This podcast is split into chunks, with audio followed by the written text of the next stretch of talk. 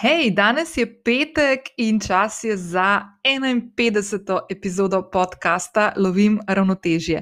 Preden skočiva v današnjo epizodo in to, da napovem, uh, kdo je današnja gostja, moram eno stvar najprej povedati. In sicer uh, v prejšnjem tednu smo dosegli eno tako magično številko, ki sem si jo jaz nekako želela, da jo dosežem um, okoli 9. decembra, ko bo točno eno leto, odkar sem začela oddajati ta podcast. Um, in to je številka 100 tisoč prenosov, kar pomeni, da uh, sem prehitela to, oziroma smo prehiteli to, ta menik za dobra dva meseca. In sem blazno, blazno hvaležna vsaki od vas, vsakemu od vas, ki se vsak teden uh, sprehodi skozi podcast knjižnico na svojem telefonu ali računalniku in si vzame čas, da posluša vsebine, ki jih pripravljam za te. Uh, Uh, danes v 51. epizodi uh, gostim Klaro Leben. Jaz sem Klaro spoznala prek Instagrama uh, in me je blazno navduševala že pred kakšnim letom, pa pol, ko je objavljala take res zanimive zgodbe ljudi, ki jih je lovila v svoj fotografski aparat. Klara bo o tem malo več povedala v nadaljevanju skozi najmen pogovor. Eh, če Klare ne poznaš, lahko povem, da je mlada podjetnica, uh, ki je zasnovala blagovno znamko Embed. Uh, in je tudi obenem moja kolegica, podcasterka, ki svoj podcast z istim imenom, svoje blagovne znamke Embed, oddaja zdaj le že kar nekaj mesecev. In jaz sem imela blazno čast, da sem, ko smo se s Klaro prvič tudi v živo spoznali izven Instagram okolja, uh, da smo poklepetali za eno od njenih epizod, ki jo bom po, polinkala v zapis te epizode, ki te že čaka spodaj v povezavi. Um, zdaj, s Klaro se danes pogovarjamo v najnem pogovoru o njeni življenjski poti, ki je bila prepletena z številnimi življenjskimi izkušnjami, ki so jo dejansko tudi oblikovale in vplivali na to, kako je postavljala temelje svoje blagovne znamke in svoje podjetniške poti. Uh, Uh, to so naprimer teme, kot so mentalno zdravje, zdrav način življenja, motivacija, uh, kako je pomembno, da si zaupaš, pomen vadbe, vsakodnevne in zdravih rutin, ki ti pomagajo uh, v življenju, da hodiš po tisti poti, ki je res tvoja. Uh, zdaj, sklaro. Uh, se tukaj v najnem podkastu pogovarjava o številnih stvarih, ki so lahko uh, fine in zanimive za vse tiste, ki ste že na podjetniški poti, se odpravljate na njo, ali pa vse tiste, ki iščete neko, neke navdihe in inspiracijo uh, v okolju, in je Klara res tukaj odlična sogovornica, da kakšno tako iskrico spodbudi pri, pri tebi in pri vas, ko boste to poslušali. Uh, v zapisu epizode te čaka tudi uh, koda, ki jo je Klara uh, dala za vse vas, poslušalke in poslušalce podcasta Lovim ravnotežje in je veljavna do 15. decembra v Klarini spletni trgovini, ki je tudi polinkana v zapisu te epizode. Uh, Klara ima lušne, fine izdelke, visoko kakovostne izdelke, ki se delajo večinoma v Sloveniji, veliko jih je narejenih iz svile.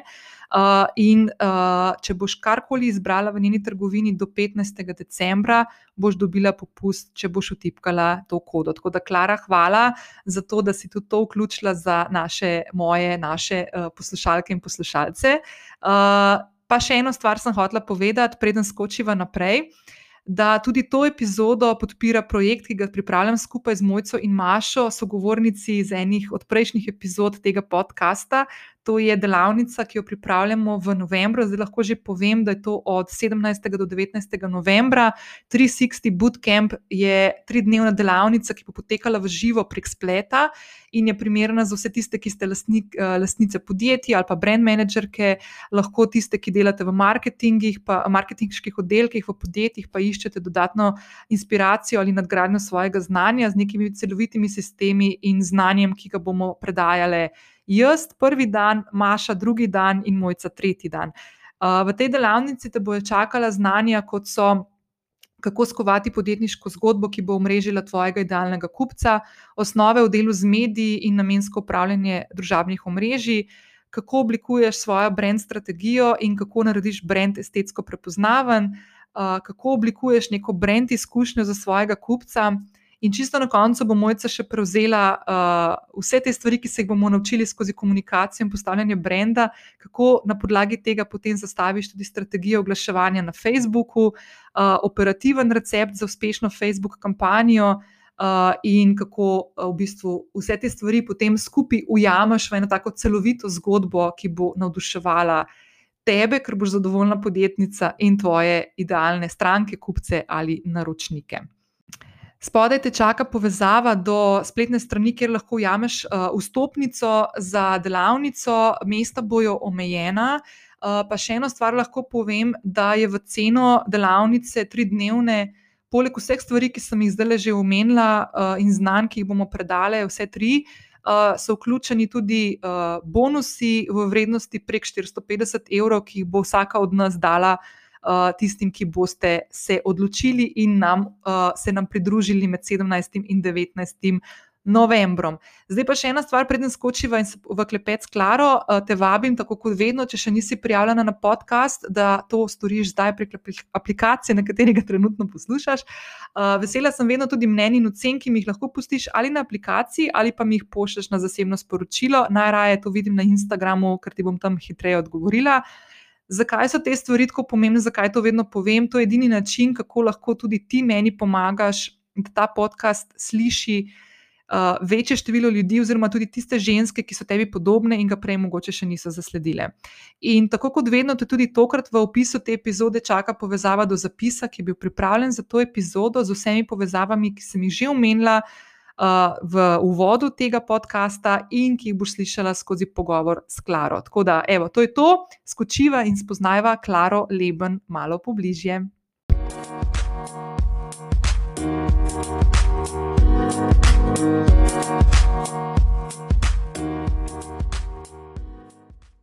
Čau, Klara. Oj, živijo. Živijo, kako si? Dobro, ful sem vesela, da si me povabila, pa da zdaj še za tvoj uh, podcast snimava tole epizodo. Ja, ti, čakaj, kdaj sem le jaz v, v gosteh pri tebi tam poletje, enkrat v začetku, ko smo se lahko še videli? Ne? Ja, ja, tako je. Ja. Mislim, da smo snimali. Ja, za, za moj podcast smo snimali v bistvu tvojo zgodbo, podjetniško in nasploh, pač, kaj se ti vse dogaja, pa tvoje izzive. Zdaj pa bomo videli, kaj jim boš vprašala. Jaz sem rekla, da nočem vedeti vprašanje naprej, ker pač, ko si mi zdaj ful boljš odgovarjam, kaj pač ko on the spot. Tako da me prav zanima, kaj si mi pripravlja. Ej, ful dobro. Sej veš kako, jaz uh, nobenemu do zdaj nisem poslala konkretnih vprašanj, ampak sam tako istočnice, ker se mi zdi ful fajn, da tako pustimo, da se pogovor tako malo steče, tudi v kakšne take smeri, ki so mogoče malo nepredvidljive, se mi zdi tako fulušten. Ampak bom pa v notesih za vse tiste, ki zdaj poslušate najem pogovor, bom polinkala tudi uh, itak Klarin podcast, do katerega še prideva. Pa epizodo, v kateri je mene gostila, tako da greste lahko tudi tja pa poslušate. Ja. Ampak, dej, uh, Klara, za začetek, jaz sem sicer to epizodo dala mečkam kasneje ven, ampak ne glede na to, uh, zdaj le trenutno smo spet malo zaprti doma in tako pa me samo zanima, kako si, uh, Uh, kakšna lepa stvar, ki se ti v zadnjem času zgodila, jaz vem, da ful veliko časa namenjaš temu, da se osredotočaš na, uh, na sebe, na svoje počutje, na to, kako lahko bdiš nad tem. In tako pa me zanima, kaj se ti kaj dogaja v teh dneh. Ja, meni v bistvu ni prav nič težko, ker itak tako ali tako večino delam od doma ali pa pač iz ene mehne pisarnice, ki jo imam v Ljubljani, uh, ampak sem zdaj tako večino časa doma. V bistvu meni ta obdobje, prav zdaj zaradi uh, te korone, pa to mogoče na začetku, takrat v začetku leta, ko ste to začeli, da mi je bilo mehen bolj težko, ker sem bili, mislim, da vsi tako najprej prestrašeni, pa to zdaj meni niti ne, ne vem. Sem se kot malži navadila, se mi zdi, da me ne, ker pač noč me ne stiska, ne noč, tako da pri meni zdaj to ni kaj prav dosti drugače. Ampak, če se zdaj navežem na tvojo epizodo, ki si govorila o svojem mentalnem zdravju, pa to si rekla, da si imela v začetku oktobra pa to eno tako težko obdobje. In moram reči, da se mi zdi, da smo, jih, smo ga imeli dosti, da nas je bilo dosti takih, ki smo imeli tako obdobje. Kaj je bila neka tako težka energija, ne vem kaj, sem bila tudi jaz čisto razštirjena, sploh da se ne prepoznam v svojih občutkih. Uh, in to mi je bilo tako dosti skeri, ampak to so i tako pač neka obdobja, ki grejo mim. Takrat mi pa zdi iskreno najbolj pomembno, da ustraješ pri teh stvarih, kaj jih delaš tudi drugače, ki se dobro počutiš, kaj je to una konstanta, ki te bo v tem pol tudi nekako pripravila nazaj na to tvoje dobro počutje in da boš spet ti, ko te mine to. -hmm. Ne, se to je to, to je tisto, kar sem omenila, da v bistvu so te sezonska nihanja, sezonske depresije, najbolj, jih, najbolj poznamo pa je vsem ta skupna pomladna utrujenost, Ker v bistvu mm. ni neka utrujenost, ampak je dejansko nihanje razpoloženja in smo pač kljub temu, ne glede na koliko spimo, smo full utrujeni, zmatrani, brez energije, ne moramo se osredotočati, ne razpoloženi in tako. In ponavadi tam jesen tudi pademo v to. In jaz sem full vesela, ker sem ene tri leta nazaj prvič uh, zasledila uh, ta termin seasonal affective disorder mm -hmm. v mhm. angleščini. Uh, in znam pol prepoznati, tako naprimer, kot je bilo letos, ko si zdaj omenila v začetku oktobra, konec septembra, pa to. Um, pa tako se mi zdi malo pričakovanje, kaj se bo zdaj vse odvijalo, pa zapletala situacija, pa tako pa spet se nam bo ponovila zgodba in je valjda tako malo vpliva na tebe. Ne? In se mi zdi to, kar si ti zdaj omenila. Um, kar je včasih težko, meni je to razpadalo pomlad, ne? da se pač držiš neke te svoje rutine. Uh, um, je to ful, ful zlata vredno, če ti rata. Ne, ne rata vedno, tudi to je ok, če malo spustiš, se zgodi, ne, ne smeš se obsojati, ampak ja.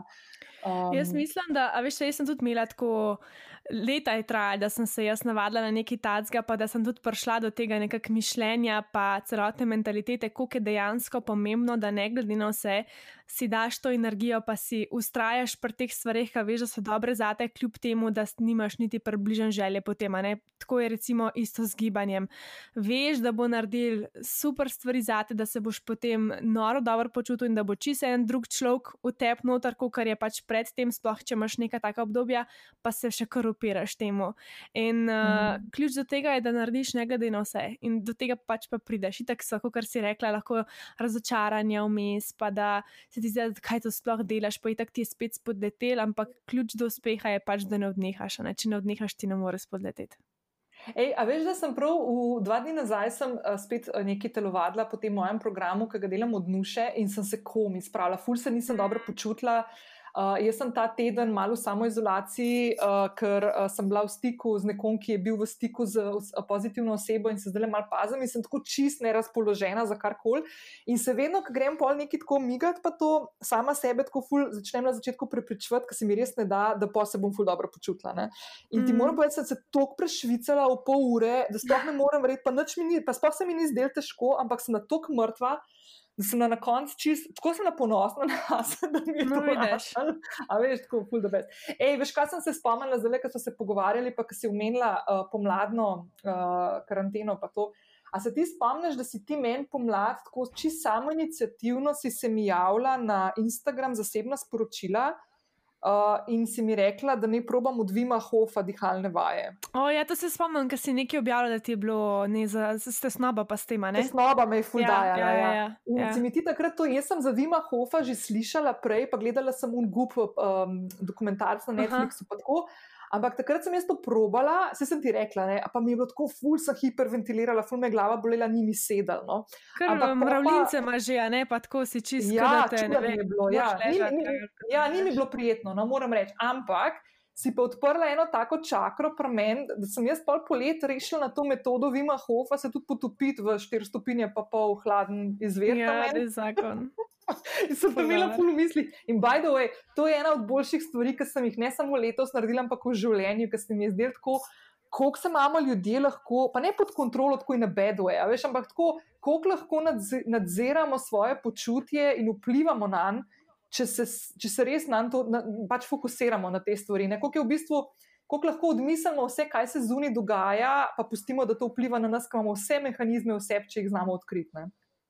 Mm, ampak recimo ti si spet do tega prišla, da so te, te stvari začele zanimati, pa da si hotla mm -hmm. probat, iz, izključno iz tega, ker si dobila od telesa neke, uh, neka opozorila, se pravi v tem primeru tesnobo ali pa pač kako drugač, da moraš nekaj narediti, da moraš neko spremembo narediti in te pač do tega tudi pripeljala.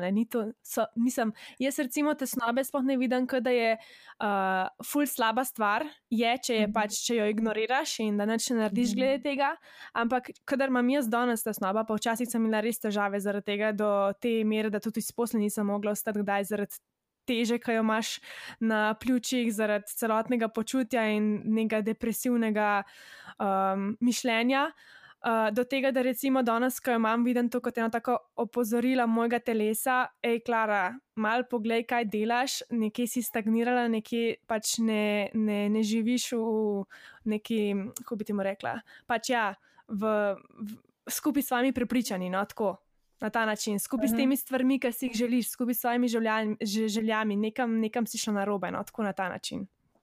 Ne, se to je res, veš pa tudi tako, da, da v bistvu zameš to kot nek znak, ne kot neko tisto, o, faliru sem, o, nekaj ja. narobe z mano, ampak to, da vzameš, ja. ok, to je nekaj treba zdaj spremeniti. Tudi, kot da se ti lučka pržge v avtu na armaturni, ne vem, da moraš gume napumpati, ne? A veš, da pač mm -hmm. nekaj je izven tizga ravnovesja, kad bi mogel biti in pač se začne s tem upadati. Ej, kaj se je pri tebi moglo zgoditi, da si začela te stvari tako gledati? Iz tizga, ker si, naprimer, nisi mogla vstati iz pojstle, ker si imela toliko tesnobe, v sebi do tega, da si začela te stvari premikati? Uh, to je bilo v bistvu kar dolgo obdobje. Zdaj, če začnem, uh, meni se je to začelo leta 2015, to je bilo konc gimnazije, začetek faksa. Se pravi, 2014 sem začela s faksom, takrat oktobra, ne, in jaz se takrat sploh nisem našla v mislim, bilo to kar neki. Pa takrat se mi zdi, da se sploh ni govorilo o teh stvarih, kar se tiče tesnobe, kakršnih koli prehranskih motenj. To takrat ni bilo, to je bilo še eno, ni se kazalo ne na Instagramu, ne kjerkoli druge. In če si to imel, je bil tako res tabu v primerjavi z pet let kasneje. No.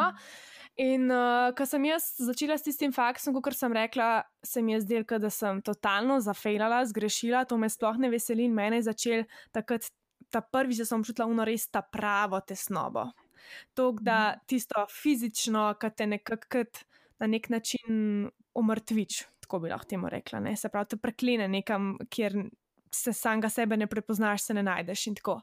In jaz sem takrat eh, spremenila, pač v bistvu sem postila faks in tudi to mi se je zdelo, da si zafelala totalno, halo, tudi ta veš mi ni bilo tako, kot bi rekla, moja starejša sestra je vedno sijala, ona je skozi vedela, kaj bi rada, veš, če bi bila rada uspešna in tako jaz pa un, lutala okoli, sploh nisem vedela, kaj hočem sama sabo. Ne? In tudi moj, moj oči je pač znanstvenik in brez faksa, halo, tole pa, tole pa ne bo šlo. Ne?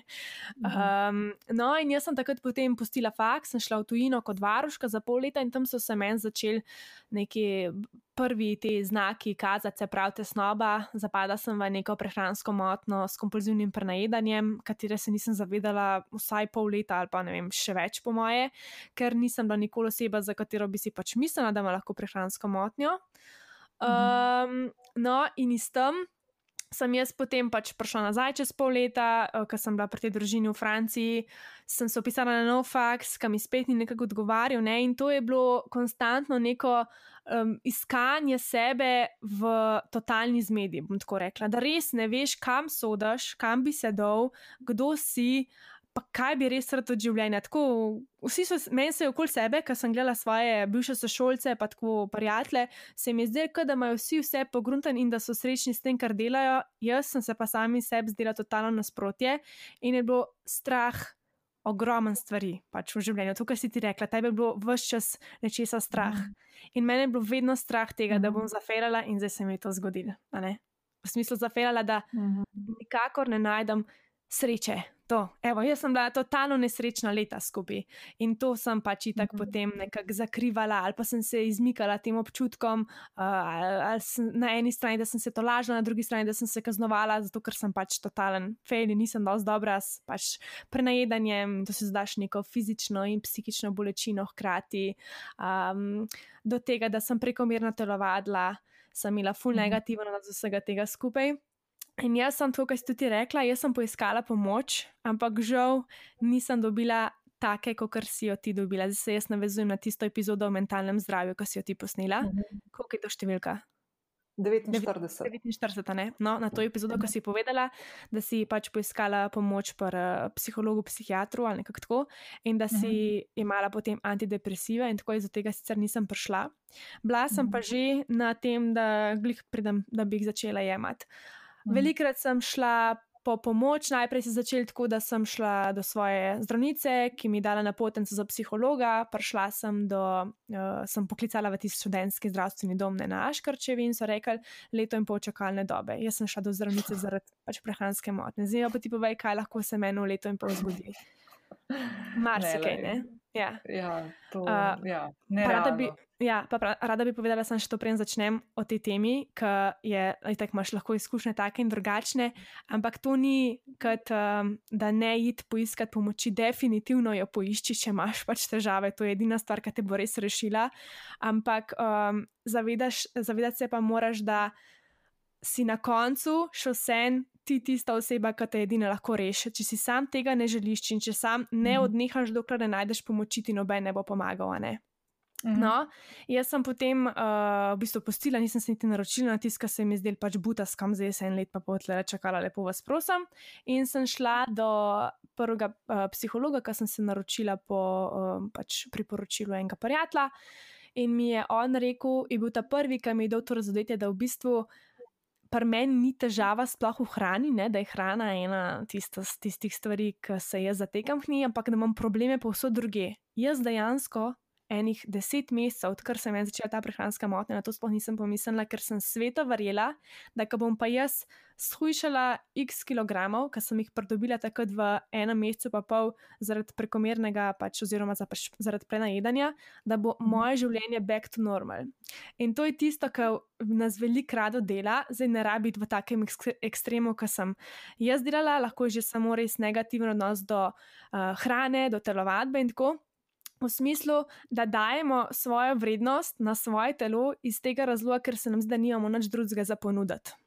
To jaz tako vidim na ta način. Ne? Se pravi, najlažje je, da eh, ti nekoga spoznaš, da ga lahko čaraš, ali pa nekako ta na prvi pogled, da se ti zdi, da je vse kul, cool, kljub temu, da v tebi je totalna katastrofa. Ne? To je mhm. vs, na ta način res to edino ki ti je tako oprijemljivo, če lahko temu tako rečem. Ne? Te tvoje mm težave, ki so psihološke in težave, ki jih imaš v življenju, je veliko lažje, da se ti osredotočiš na neko hrano, telovadbo, kot pa da se začneš soočati s tem, da imaš uh, obupne odnose v tvoji družini, da nimaš dobrih prijateljev, da ne veš, kaj bi rada delala, da imaš katastrofalno službo, ki so grozni odnosi, da se počutiš, da, da, ne, tako, da na te stvari se je fulaži fokusirati, ker so opremljive, a ne se pravi, tvoje fizične.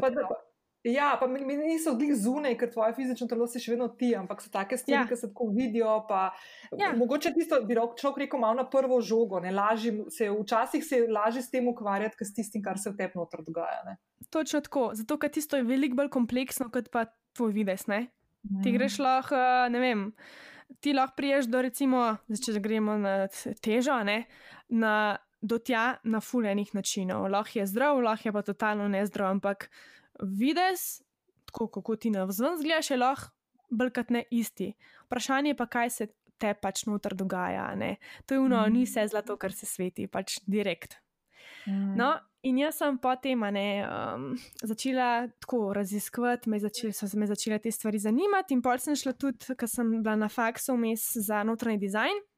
Sem šla spet čez dve leti na izmenjavo in tam se je začel ta moj projekt Embed with Clara, ker sem začela slikati ljudi v svoji posli. Jaz od takrat nisem pričakovala, da bo karkoli, ampak res karkoli iz tega nastalo, tudi podrazno. Um, ker sem po dolgem času, se pravi po dveh let, dobrih dveh letih, končno začutila tisto iskrco oseb, ki je bila dve leti totalno, kadaj ni bilo. Se pravi, mm -hmm. kaj se ti zdi, da je vse, kar te je prej veselil v tvojem življenju, totalen dolg čas, brez pomena, brez smeri in da se ti zdi, da, da je, ne boš nikoli več dosegel te sreče, veselja, ki si ga imel prej v sebi. In to je uno, eno iskrco me pržgali in jaz sem bila tako, briga me, prvič v življenju, da sem rekla, mhm. briga me, kva si drugim mislijo, jaz bom to naredila po svoje. Zdaj si lahko predstavljaš, kaj so si moji starši, so bili tako pač katoliška družina, drugačni, jaz ko zdaj bom pa jaz slikala ljudi v svoji postelji, in da mi navadi se boje bed, klara. In sem tako, ja, ok, mogoče kaj še na druge ideje. Ampak sem tako, ne, jaz hočem to, vse pa so bili ful, zdaj so ful ponosni na me, pa tudi takrat si je moja mama tako Instagram naredila, da me je spremljala sam iz tega razloga, pa še danes ga po moje. Sam zaradi tega in tako je pač fule povedati. Uh, ampak ja, no, tudi moje, tudi moje pot do tega, da sem se nekako našla, definitivno ni bila kratka, kaj še le lahka. Mhm. Rada bi povedala še to, da sem vmes, preden sem začela s tem, ali pa mogoče glih na začetku tega projekta, uh, sem imela ene take, uh, eno tako obdobje, ko dobesedno nisem mogla ostati iz posle, uh, nisem imela želje potem, da bi se s komarkoli videla, tako čisto sem se začela zapirati vas, v bistvu vsta čas, zdaj pa tako se je kot nabral v eno tako zelo intenzivno obdobje slabega počutja. In uh, mi je potem takrat ena prijateljica rekla, da je Klara, da je pet, kam ima tudi pač izkušnje z antidepresivi, pa ADHD ima pa tako, ne, je bila velikrat že pri psihiatrih, pa kakšnih tako več, se pač dejansko ne, se zdravi za to. Je rekla Klara, mm -hmm. pet pa prav za pomoč. Se pravi, greš do svoje zdravnice, sem šla še enkrat do svoje zdravnice, po enem letu in pol, kaj tacgam sem ji rekla, če me lahko prosim, pošle, pač, da mi je to grozen in da, sem, da ne morem ustati, da se ne prepoznam več, da imam take občutke, ki me preklinajo na poslo, če me lahko prosim, da urgentno, na, uh, pač, da grem se pogovoriti s psihoterapeutom ali nekaj na polikliniko. Ne? Mhm. In ona mi je rekla nazaj, a ti to res rabaš. Jaz sem tako, hej, model. pač, dej, uh, a ne, če ti je že tako, tako težko prosi za pomoč, ker se tako počutiš in ti potem re, reče nekdo, a ti to res rabaš. Si tako, ne, ti ni najbolj lahko bi lahko temu rekla. Pa sem pa uh, šla na polikliniko, tam sem čakala dobre dve uri v čakalnici, ker ni bilo sploh nobenega nikjer. Mislim, da se reče poliklinika. Se reče, ne? Ja, ja, ja poliklinika je. Ja, tam ja, ja, ja. na skropju, ne? Mhm. Ja, ja. No, ja, ja. Mhm. In sem potem le prišla do psihiatrinje, za razliko od tvoje izkušnje, sem pa jaz bila poslana iz um, uh, te ambulante v petih minutah. Sploh me ni poslušala do konca, ker sem se pa začela joka. Dobila sem škatlico robčkov z, list, z dvema A4 list uh, papirjama, ki so bili gor spisek psihiatrov, ne psihoterapeutov, psihologov, pa da se naročim za tiste dva meseca, če slučajno to hitro ne najdem, mi je pa dala um, recept za antidepresive. In pač jaz bi tiste antidepresive vzela, če se ne bi čutila, da rabim vse prej kot to. Jaz sem se čutila, da rabim pogovor, nekoga, ki me razume, nekoga, ki me vidi. Um, Vid moje težave veliko bolj objektivno, kot pa ne, prijatelji, ki me verjetno ne razumejo. In mm -hmm. v mhm. mojem primeru je to zadostovalo. Hkrati sem se pa po moje sama jaz pobrala, zaradi tega, ker sem že po naravi, taka, da ne odneham, trmasta, furadovedna in da sem še vse en čutila, da je nekaj več v meni. Razumeš pač ti, recimo, ki si uh -huh. govorila o svoji izkušnji, si bila čist ugasnjena, bi lahko temu tako rekla. Ne? Ja, jaz, jaz sem še vse en imela. Ja, jaz sem drugač full trmast človek, ampak takrat mi to ni, je tista trma je ni bilo. Jaz, ki sem ja. enkrat tako down, pa res slabo počutam, ni une trme v meni, naprimer. Ja. Mm. No, jaz sem to še vse, vse imela, jaz to tudi danes, mm -hmm. ko lahko slab dan, ejo, Bog pomaga, to je hvala Bogu, še vseeno meni. Po eni strani je lahko mm -hmm. ono prekletstvo, ne v določenih situacijah, ampak drugač, kar se pa kakšno težko. Uh, obdobje pojavlja ali pa kakšna težka preizkušnja, pa jaz ne bom odnehala, dokler se tega ne reši. Recimo, to se mi zdaj, zdaj za danes, a nekaj do tega tudi prišle, kar tiče podjetništva, pa to še vse en tok bolj, uh, uh, kako bi tem rekla, hvala Bogu, da imam to, drugače bi že stokrat odnehala. No? Pač jaz, dokler ne pridem do, do tiste stvari, ki vem, da sem si jo zadala, ne bom odnehala, kljub temu, da naraž bi, a ne. in se ne dam, in mene, jaz ne bom tako lahko šla dol, tako bom rekla. Evo. Ej, ampak preden gremo naprej, se mi zdi full fine, pa da malo ostaneva še pri tej temi, uh, uh -huh. se mi mhm. zdi full fine, kaj si izpostavlja dve, dve zadevi. Ne? Ena stvar je ta, za vse tiste uh, poslušalke, poslušalce, ki zdaj poslušate, pa se mogoče znajdete v neki taki situaciji, da razmišljate o tem, da bi poiskali pomoč, ker imate težavo na tem področju. Pa, naprimer, vas vaš zdravnik osebni ne posluša oziroma ne razume. Jaz imam zdaj že toliko enih zgodb, sem slišala, um, ko osebni, zdravnik, osebni zdravniki dejansko v večini, pa le nisem zdravnica, ampak dejansko niso strokovnjaki uh, za duševno zdravje. Ne? Oni so strokovnjaki za splošno medicino. In res potrebuješ nekoga, ki se s tem ukvarja. In če pri svojemu zdravniku ne prideš uh, do stvari, ki jo želiš, ki jo potrebuješ, kot naprimer, kar si ti, Klara, rekla, da si prosila, da bi šla k nekemu strokovnjaku, prek na ti to res rabaš. Ne? Je treba ustrajati in najti neko drugo pot, ne obupati zaradi tega, um, ne, ne se pustiti. Pustiti. Veš, to je podobno, kot sem jaz, ko sem govorila o HPV-ju. A veš, ko slišiš eno stvar od svojega zdravnika, jaz meni to določene stvari mi ne sedajo in mi ni dovolj, kar sem slišala. Jaz moram raziskovati po svoje. Pa to ne pomeni, da sem šla zdaj na Google, pa brala vse forume, pa slišala še en kup enih, enega balasta zraven, ki mi nič ne pomaga, sam še bolj me bo razdražil. Ampak jaz moram nekako smiseliti svoje stvari in vsak od nas najbolj ve, kako se počuti. In je treba mm. zaupati v to, v ta notranji svoj čut. Ne? Uh, in biti ustrajen. In to, da si šel ti na polikliniko, mislim, meni je ful hudo, da si to doživela, ker se mi zdi to škandalo, škandalozno, iskreno, um, ker res ni enostavno stopiti tja noter. Jaz to nisem povedala na epizodi, ne. Ker sem jaz prvič prišla na polikliniko, tisto drugo ali prvo, ne vem, kjer je nadstropje ali tretje, se ne vem, ker ta uh, urgentni psihiatrični. Mislim, tretje ali nekaj takega. Ja, tretje meni se zdi. Ja. Prav piše gor urgentni psihiatrični oddelek ali nekaj takega. Kaj je priješ, tako, oh moj bog, kako sem jaz lepo ja. ja, ja, ja, točno to, točno to. In to nisem niti govorila o tem in bom zdaj povedala. Jaz, ko sem prišla tja, je bila polna čakalnica. In jaz sem imela občutek, da sem padla v en film. To so bili ljudje, ki so imeli. Uh, en, en se je full drl, en je bil praktično na pol zvezan tam. Mislim, to je bilo tako, kot v filmu. Jaz nisem mogla verjeti, sem si mislila, kva ti tukaj delaš, ti sploh nimaš problemov. Mislim, le te ljudje imajo težave, ti ga nimaš, ne? pa ni to res bilo, jaz sem imela tudi svoje težave, pa vsak ima po svoje. Ne? Ampak jaz takrat sem bila, jaz, mene je tako šokirala tista situacija takrat in pol naslednjič, ko sem bila, ni bilo več. Ni bilo več tako polno, pa, pa ta zdaj. Ampak, kaj bi, bi se zmenili, da bi mi postavili vse tiste ljudi tam, pa bi mi rekli, ok, Nina, lej, you're good. Um, tako da, ja. Uh, mm. Dej, veš kaj, Klara, dej vam mogoče malo, zdaj, ko boš šel v tvojo podjetniško zgodbo, pa si že začela malo govoriti o in-bed, kako si to začela, ampak dej mi sploh povej, kako si sploh ti, kako si prišla, kaj, kaj je bilo takrat na začetku, ko si začela vabiti ljudi v svojo pojstvo, da si jih slikala, da je tako reči. Kako, kaj si imela takrat v mislih, kaj, kaj je bil projekt, ki si ga hotla, kaj je bila tista ideja, ki si jo hotla pelati in kaj se je pol zgodilo kasneje, ki se je razvila v mhm. en kup enih stvari, ki verjetno takrat nisi mislila na njih. Ja, itak da ne. Takoj bom to odgovorila, rada bi samo še dodala nekaj, kar si zdaj ti, Aha, ti, ti povedala. Ja. Da, uh, jaz sem potem še poiskala pač pomoč, ampak itak samo plačniško. In meni recimo zdaj, danes, kljub temu, da se zdi, jaz sem tudi takrat na študentskem budžetu, mogoče sem imela, ne vem, 150 evrov na mesec, do, ne vem, da sem dobila tako od kakšnih uh, del študentskih ali pa karkoli, ampak jaz sem dala recimo, ne vem, 40 evrov za eno psihoterapijo ali pa 80 evrov, če sem si lahko to pravošla, ker tako pač sem bila še vse v, um, so starši skrbeli za mene in tako. Meni do, mhm. danes ni škoda niti enega centa, ki sem ga dala za svoje dobro počutje v tem smislu ali pa kakorkoli mhm. drugače. Mi je pa škoda, če sem dala ne vem, za kabelke 130 evrov, pa sem jih dvakrat oblekla. Da, ali pa, ker si moraš vsake dva meseca nove čevlje kupiti, pač kakorkoli ja. že.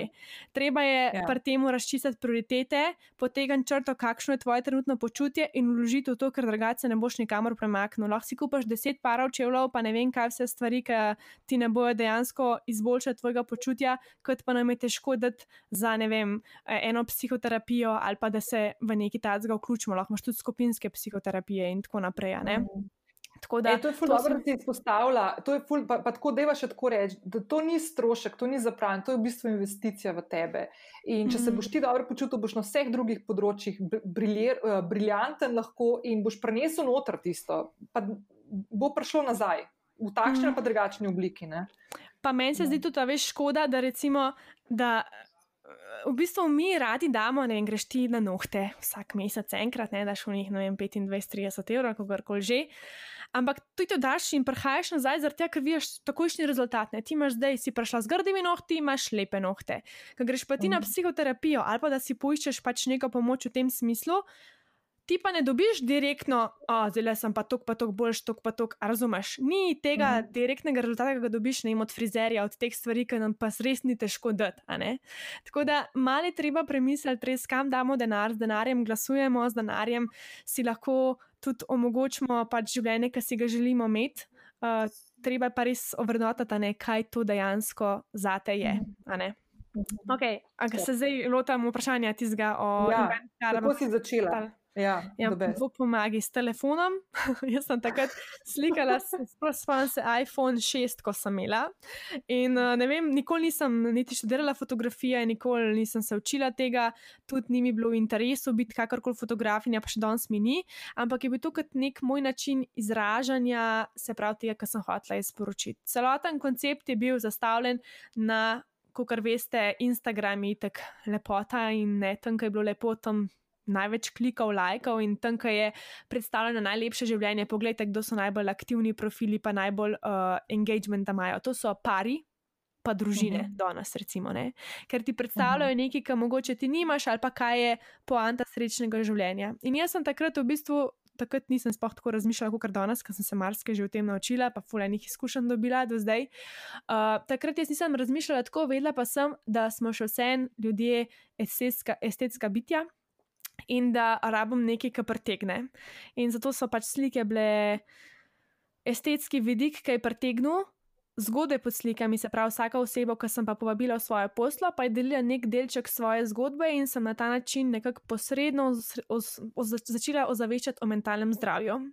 In jaz, -hmm. kakšno leto, nisem tudi, mislim, da se smo nisem niti pokazala na Instagramu na noč in sem svojo zgodbo govorila skozi zgodbe drugih ljudi. Pol sem se pa tudi začela počasi odpirati, pa ne zaradi tega, ker je bila sramežljiva ali pa karkoli, ker meni tako, to sploh ni problem, ker nisem se od sramežljive nikoli bila. Uh, ampak to je bil nekaj takega, ki mi je bilo za zraven, za mojo dušo, za moje veselje. Mene je takrat po domač povedan dol vesel za faks in sem hotela sam to delati in mi je bilo top. In sem tu dejansko potem tisto leto, ko sem začela z embedded kara, pustila faks ponovno, zdaj si misliš, ker si ti failer, moji starši spet, ki čak, zdaj spet, še enkrat boš faks pustila, halo, kaj se dogaja, ne. Ampak jaz nisem mogla, meni so te stvari zdaj po eni strani hvala Bogu, po drugi strani takrat mi je bilo grozno, ampak dušile stvari, ki me niso veselile, vse, česar koli sem se udeležvala, ki me je. Jaz sem oseba, ki ful globoko čuti, tako bom rekla, in veselje, in žalost. In sem se v bistvu skozi to naučila, da moram temu ful slediti in svojim občutkom slediti, vedno rečem, da imamo ti, recimo, imaš čisto drugačne občutke, kot jaz o eni stvari in glik zaradi tega je to tisto, kar te razlikuje od mene. Imamo zato drugačne interese, drugačne cilje v življenju in te cilje moramo poslušati. Ni ene, enega recepta, da bova pa obe uspešni, če to delava. Ne? Ja. In uh, večino časa za te velike odločitve, ki te pa lahko najbolj osrečijo, če lahko temu tako rečem. So zelo težke, ker teh občutkov nočemo poslušati. To je primer, recimo, da si ti skupaj s svojim fantom, pa ti vse kaže, da tole ne bo, ampak ti hočeš biti z njim, ker ga imaš rada, kljub temu, da veš, da niste za skupaj tako nekje globoko vse pa ne. In mm. ali pa recimo, da si v službi, ki ti je toksično, ki te utruje, da priješ dom, domov izžet. In da še do naslednjega dneva na mestu, da pač uživaš, pa takrat, ko si frej, ali pa da se veseliš v službo, recimo, ne, to bi bila najboljša verzija vsega tega, si pač celoten vikend izžet in celoten teden izžet, in potem za vikend počivaš in vegetiraš, ker te vse skupaj to tako troja. Um, in meni se zdi pač škoda po eni strani, da nas je tega tako strah, strah stvari, ki nam prinašajo največje, pa najlepše spremembe. Tako da jaz sem v bistvu zdaj iz tega izhajala, začela sem slikanjem. Pol me je pač čez kakšno leto pa pol to mal minil, ker je bilo tako monotono, jaz sem oseba, ki se da hitro naveliča stvari, če se ne spremenijo. Vmes sem pa začela tudi svojo podjetniško pot. Po in let, po dobrem letu sem odprla svoj SP in potem tudi slikala ljudi, ki so hoteli priti in tako, ne. Ampak sem ga mogla kar hitro, se pravi v začetku 2019, se pravi recimo, da sem si 2018, da sem odprla konc leta SP. In v začetku 2019 sem ga mogla zapreti, ker pač nekako uh, ni šlo čez. Ne. Jaz ne vem, nisem sploh razmišljala, jaz sem samo hodila delati to, kar sem pač hotla. Ampak uh, ne vem, tudi ta veš, pa je to ratelj malo tako nasilo, da slikaš, zaradi tega, ker pač moraš. Pa, ne vem, drugače, če delaš se veš, če je služba ali pa hobi, če, oziroma če hobi postane služba, da ni to čisto, ne, da te lahko marsikaj mine, pa da nimaš pol kar enkrat več hobija.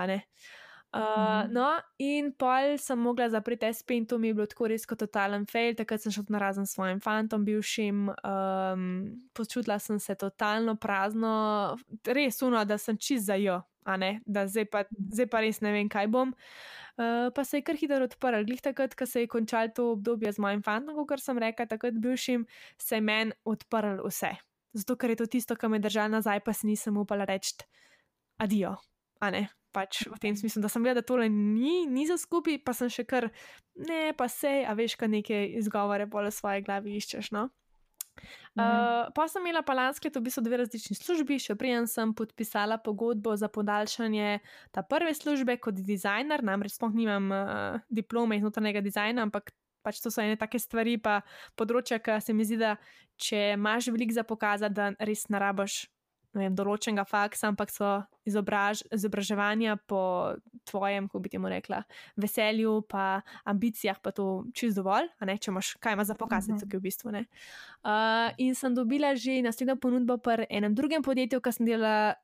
Z, ustvarjala kampanje za kakšno podjetje, kot so Equa, pa pač na ta način, da iščejo uh, ljudi za marketing preko Instagrama in so oni razvili aplikacijo za to, da so v bistvu vse skupaj olajšali. Tam sem bila uh Mhm. -huh. tudi dobre tri mesece, skoraj štiri, in so me iz tako le za eno jutro odpustili. To je bil tako, lansko leto je bil res tako razburkano, pač, ker že misliš, a bom dobil 22, kaj tako, a veš, miru, ne, pride korona, ne, ne bo, ne, ni, ni, a veš, ne moreš. Uh, tako da, ja, no, pa sem pa, takrat sem si pa rekla, hej, vedno sem vedela, da hočem biti na svojem. Ustrašila sem se zato, ker mi je pač takrat spodletela, ne, v, sem mogla že zapreti SP in sem tako model, če si zafelala, torej ti pa res ne gre. Ampak misel na to, da delam jaz do konca življenja za nekoga drugega. Pa se drugače nikoli nisem videla kot podjetnico. To sem se tudi pogovarjala. Jaz si nikoli nisem predstavljala, da bom bila podjetnica. In tudi, ko sem začela na svojem, se nisem počutila kot podjetnica, ker mi je bilo to po eni strani kar mal tuje. Ampak danes s ponosom rečem, da sem. Po dobrem letu, zdaj že imam odprt ponovno svoj SP. Lansko let, potem, ko sem bila odpuščena, sem rekla, grem na vse ali pa noč, odprla zdaj to, kar je spletna trgovina in bed.si. In še danes to delam, in mi je noro veselje. Vmes sem začela zdaj še podcaste snemati, tako da imam tudi od tega nek prihodek. Ampak je to res, jaz, jaz ne morem sploh povedati, kakšno veselje pa zadovoljstvo človek dobi, ko je lahko plačan za to, da dela dobro, pa da dela to, kar ga veseli. Pač jaz sem o tem samo sanjala in ne morem verjeti, da se je v enem letu toliko spremenil, da lahko rečem, da danes to počnem. Ne vem, kaj me čaka jutri, ne vem, kaj me čaka čez eno leto, ampak danes lahko rečem, kljub temu, da še vedno živim doma pri svojih starših, še vedno nisem na svojem, to me recimo so ene stvari, ki me fulmatrajo, ampak lahko rečem, da sem ogromno naredila in da sem ponosna na se, pa si tega niti približno ne bi upala reči, še po moje dober let nazaj, ne no, tako. Tako da, ja, Mhm. veliko se je spremenilo. Ne, pa se to je tisto, kar v bistvu uh, sam sebi dovoliš, pa da, da, da greš po neki poti. To je ful težko. Je, je, mislim, meni je tako ful fascinantno, zdaj, ko te poslušam, vse veš, to smo se že pogovarjali. Ne? Mm. V bistvu sem se s tabo te stvari pogovarjala, pa z Mašo, ful velik, ker sta obe tako ful mlajši od mene, pa spet res nočem tako, da izpade, da je to neko tekmovanje ali kakorkoli, ampak meni je tako noro, ker vidim vas, ki ste res mlajše, do, dost mlajše od mene. Pa pridete do nekih zaključkov, do katerih sem jaz v življenju prišla nedolgo nazaj. In se mi zdi tako ful noro gledati, ker si mislim, tako, o moj bog, če za deset let bo te punce, to bo, to bo noro, ne? to, to bo raztrgalo čista, veš.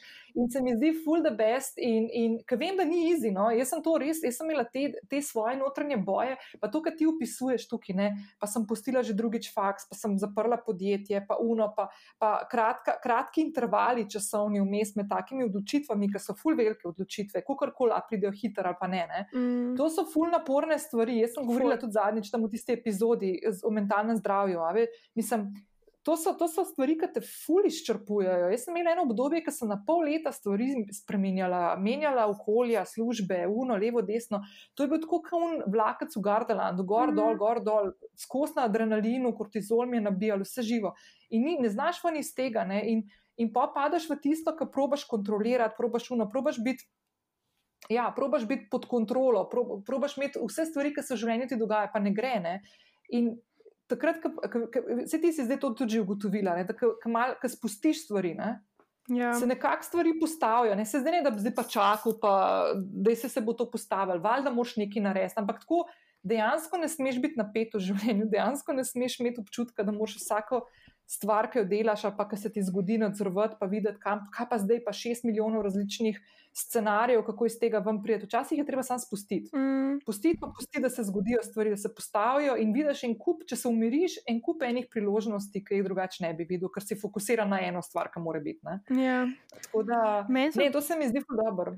Meni so drugačko, zdaj, ko gledam nazaj, najboljše stvari, pa najbolj tako, da sem že zaživela tako po svoje, kot si jaz sama predstavljam, so se zgodile takrat, ko sem se po njih počutila uh, prestrašena, velikrat prestrašena po teh spremembah, pa po mojih odgovorih, recimo, to je na ta način, ko sem pustila faks, ko sem uh, zaprla SP, ko sem bila Mhm. odpuščena. Ker sem se rašla s svojim bivšim fantom, ampak to Mhm. se ti toliko enih, to daš v bistvu daš prostor dobri energiji, pa dobrim vibracijam, da pridejo nazaj v tvoje življenje, če si le dovolj odprt za njih. Kar ne pomeni, da bo Mhm. zdaj, a ne, simpel, pa lahko, ampak je pa to nek, ja, nek znak, če lahko rečeš, ne vem, karkoli verjameš, vesolje, Boga, Budo, ne vem, pač whatever, da daš prostor in zaupaš v ta svoj proces, ki ti je dan, da si želiš dobro in da pričakuješ dobro in da predvsem tudi daješ dobro. Kar koli to pač zate, zdaj na to za marsikoga čist drugače pomeni. In glih to mi je mm. en tak čar, pa ful všeč. In tudi sama ful spodbujam, da vsak od nas najde pač svoj prav, ne? ker edino tako lahko pač živiš kot ti hočeš. Ja, res je. Ja. Ej, um, ok, in pol. Da mi zdaj nekaj razloži, to smo se mi tudi takrat pogovarjali, ker si bila ti pri meni na obisku, pa smo snemali tvoj podcast. Um, veš, kaj meni je vedno ful fascinantno. Ne? Jaz ful občudujem ljudi, ki delate svoje izdelke. Uh, to je meni tako, a veš, fizične izdelke. Meni je to tako res amazing. Ne vem, jaz se sploh ne predstavljam, jaz sem pač te svoje, jaz imam storitveno dejavnost. Uh, vse imam neke izdelke, tudi jaz zdaj v spletni trgovini, ampak so digitalni izdelki. V bistvu no, vse stvari lahko jaz prepravim. Ja, to je veliko bolj drugače. Ja, ja, no, se nimam jaz neke tako šivilje, ki najamem, tako kot imaš ti, pa take stvari. No, pa me samo zanima, kako, kako, si, kako si s tem začela, kako si se sploh uh, lotila teh svojih uh, izdelkov. Pa povej, kaj točno se imaš, no, za tiste, ki mogoče ne vejo. Ja, ok. Se pravi, moja spletna trgovina se imenuje Embed pač znamka je embed skupaj, uh, spletna stran je pa www.embed.si. In jaz sem začela s tem lansko let decembra, sem odprla in uh, nisem imela nobenega plana, ne ideje točno, kam me bo to popeljalo, ampak kot sem rekla, vrka se pa postim boljše. Uh, nisem ne vedela to, kar pravijo vsi, imej uh, tale svoj načrt, ne, se pravi poslovni načrt, vse model, če bi jaz to imela, narejen, jaz se tega ne bi lotila, Bog pomagi, da res ne. Ker pride toliko enih stvari zraven, ki jih pač. Jaz razumem, mogoče oni ljudje, ki so fully organizirani, jaz nisem, ker, ker sem organizirana, nimam ustvarjalnosti, bom tako rekla. Ker v, tako ja, točno v organiziranosti ni ustvarjalnosti. Če priješ še moja soba, Bog pomagi. Veš, to je moj zgovor po eni strani, po drugi strani pa se mi zdi, da res to živim v tem smislu. Um, jaz sem začela z temi svilenimi skranči takrat, Svila mi je bila vedno ful fascinantna, pa se mi je zdelo, da je moja mama skozi govorila, da ja, pa svila je ful dela, pa svila, da je ful breme za njo skrbeti. Ampak definitivno danes ni več tako, ne, ker imamo fenomenalne pralne stroje, lahko, ker pač nam je vse mhm. veliko bolj na roki in detergenti in vse skupaj. Tako da je. Brkrat ne, meni se svila zdela en tak uh, material, ki si se ga dotaknil in si kar v instant dobil take občutke, ki se moraš za njih drugače ful truditi, se pravi za neko nežnost, prijetno, da ti je, da se počutiš kar sveže, ko se zjutraj zbudiš in tako. In meni, jaz sem vedno za te občutke, česar koli grem, kamorkoli se moram dotakniti, recimo, ne kako poješ in hrano, ali pa oblačila, ali pa ne vem, um, kavč, a ne, pač na ta način. Um, in zaradi tega sem se odločila za svilo, ne glede na to, spet nisem poslušala, briga me, kaj si drugi mislijo, jaz grem pač tole narediti in to hočem. Ampak sem recimo začela s temi skranči, zato je bilo najlažje takrat pa ne pač en tak uh, manološki vrh za cel vzglavnik, pa še takrat je bilo se mi zdelo ful popularno. Pa to in sem to naredila, pa sem šla pa na sferene vzglavnike, zato ker sem si ga sama isto želela imeti in jaz tudi zdaj vsi izdelki, ki so jih jaz uh, skrbno imam v svojem vsak, vsak danu in me res napolnijo in jih obožujem, ker drugače se sploh ne bi tega šla. Um, Deva samo mogoče, preden greva naprej, če slučajno kdo ne ve, kaj skranči, Aha, uh, ja, da poveva, da je elastika. elastika za čop, da si jo narediš tisto, ki ima tako dodatno obloženo elastiko, zato da je mehko, da se ne lesene. Ja. Ne, ne poškodujejo, in tako. In to smo včasih, klara, tisto premehna, ampak, ko sem bila jaz stara 9, 10, 11, ko sem še v Ljubljani živela, so bili skranči top shit, ja. strešce smo se delali iz, iz, iz franzic naših, a ne pa tako, to so ta 80s, pa Madonna, pa tako zdaj pa to spet ful popularno. In ja, naprimer, jaz ga imam tudi legi, ki se pogovarjava na glavi, pa by the way, tvoje legice imam gor. Res, no, bolj dober. Ja, ja vmes smo tudi te ja. pajkice prodajali, ampak sem se potem, to je, to je točno to, kar sem rekla, se pač iščeš. Lahko bi še naprej pajkice prodajala, ampak ko delaš ti, recimo, v spletni trgovini, kamaša, ne ti tudi potem, vsaj jaz sem s časom, recimo v roku petih mesecev, ki je ta tudi pogruntala, kdo je moja pač idealna stranka in kdo bo kupil to in kdo ne bo. Ne? In zaradi tega sem tudi mhm. mogla potem strani do teh um, pajkit in tega vsaj za enkrat, dokler mogoče bo še kdaj še tako limited edition za spodbujamo to, ne pa že tako si vzameš čas zase, da se dobro počutiš in tako naprej. Ampak sem se potem čisto fokusirala na svilo pa na pač te izdelke. Ker celotna mhm. rdeča nit vsega skupaj je, da si, a ne, kot sem rekla, z denarjem, ki ga imaš, ti si lahko pač ustvariš tako življenje, kot si ga želiš, na podlagi tega pač tako zaslužiš, ne pa v kaj si pač pripravljen vložiti. Ampak jaz gledam tako, z vsakim izdelkom, ki je, se pravi, svili na ta način, si vneseš v svoj vsak dan full ene nežnosti, pa uh, svežine pa enih takih res, se mi zdi, da se dotaknem. Ne, jaz, ki se dotaknem tega, sem kar tako mal pomirjena, ko grem spat, recimo na svilino z glavnik. Pa je to materialna mm -hmm. stvar, pa mi da ful enih občutkov, ki se moram dragati za njih, ful truda, tako so pa pač čisto samoumevni. Uh, mm -hmm. Tako da zdaj za praznike, ne moram pa reči, da. Pa ne povem še to, da je bilo vmes fulejnih failov, pač ful, pa fulejnih težav, pa to, kar si rekla, gliza, ti imaš digitalni uh, izdelek, a ne, jaz imam fizičnega. In Aha. razlika med tem je, da imaš v bistvu ti, ki delaš digitalni izdelek, samo prvotni vložek, se pravi, ne vem, za spletno stran, ki jo imaš, ali pa da ti, ne vem, kakšen grafični dizajner ali pa kaj naredi, ampak ti potem, kasneje, ko ljudje kupujejo te izdelke, pač nimaš nobenih stroškov tako, ne, da bi ti zdaj mogla spet na novo neki pri uh, fizičnih izdelkih, a ne pri nas, ti vsi izdelki so narejeni v Sloveniji, oziroma velika večina, no mogoče, ki še ni zaradi uh, določenih, uh, kako bi tem rekla, ovir, ki jih imamo na slovenskem trgu, pa uh, šivalnih strojih, pa to, kar je meni, da je trenutno pač na voljo. Um, mhm. Ampak tako, pač ti zmoriš, recimo, zdaj v primeru, ne? če bi jaz hotela zaslužiti tisoč evrov, bi jih mogla najprej minimalno tisoč dati noter. Razumeš? Se pravi, uh -huh. da ti zaslužiš tako, kot bi hotela, pač nekako imeti normalno plačo, moš da ti v bistvu sama vsak mesec, če greva za eno mesečno gled, glih tok denarja, oziroma še več, kaj tako imaš še fulejnih drugih stvari noter, da dobiš pač tok pa tok nazaj. Ne? Tako da to je mhm. pr. Ja, investicijo, pač, ja. ne skozi investicijo. Konstantno, konstantno. In je pač večje ja. tveganje v tem smislu. Um, mm -hmm. Pol je tudi, recimo, ko še en mesec pač slabši, ne se tudi lahko je pri tebi, ko še en mesec slabši, sem še vsem imaš digitalne izdelke, že tam, jaz moram pa kljub vsemu dati tok pa tok, a ne noter, da uh mhm. -huh. narediš pač, če ne drugega. Vsaj nek plus. Ne? Ne, to je dinamika, je čist druga, pa zaloga, pa poštnine. Pa ja. bla, bla. Mislim, to je čist, čist druga stvar. No, sej, da, da povem po pravici, ne, da jaz, naprimer, če bi delala več na tej svoji spletni trgovini, ki se čist premalo z njo ukvarjam, bi bilo tudi drugačna ja, situacija. Ampak meni je to nekaj dodatno zraven, ne živim od tega. Ne. Ti imaš, naprimer, tukaj drugačno zgodbo, ti dejansko imaš tukaj mislim, je to tvoj ja, ja, ja. pri, prihodek edini, uh -huh. ne mhm. mislim, oziroma pač to delaš. Ne? Je pa to malo drugačne, ampak uh, ja, absolutno. Da mi veš, kaj si rekel, da je bilo full failure. Da mi povej, um, že tako parkrat si zdaj omenila te, da si je mala kot poraz, kakšno stvar, odločitev, pa spet sem faks spustila, pa še vedno doma živim. Tako, no? uh -huh. Da mi povej, kako pa si se, kaj pa ugotavljaš, si, kako, kako, kako upravljaš s porazi, oziroma z občutki, ki imaš občutek, da imaš poraz. A to glede smene trgovine ali nasploh? Ja, vse, tako, kako, a, a si naredila, pre, a, a, a drugače dojemaš te stvari, kot si jih včasih, Aha. kako se umiriš, kako, kako gledaš na te stvari, ko vidiš, kako se zaveš, da je neka stvar.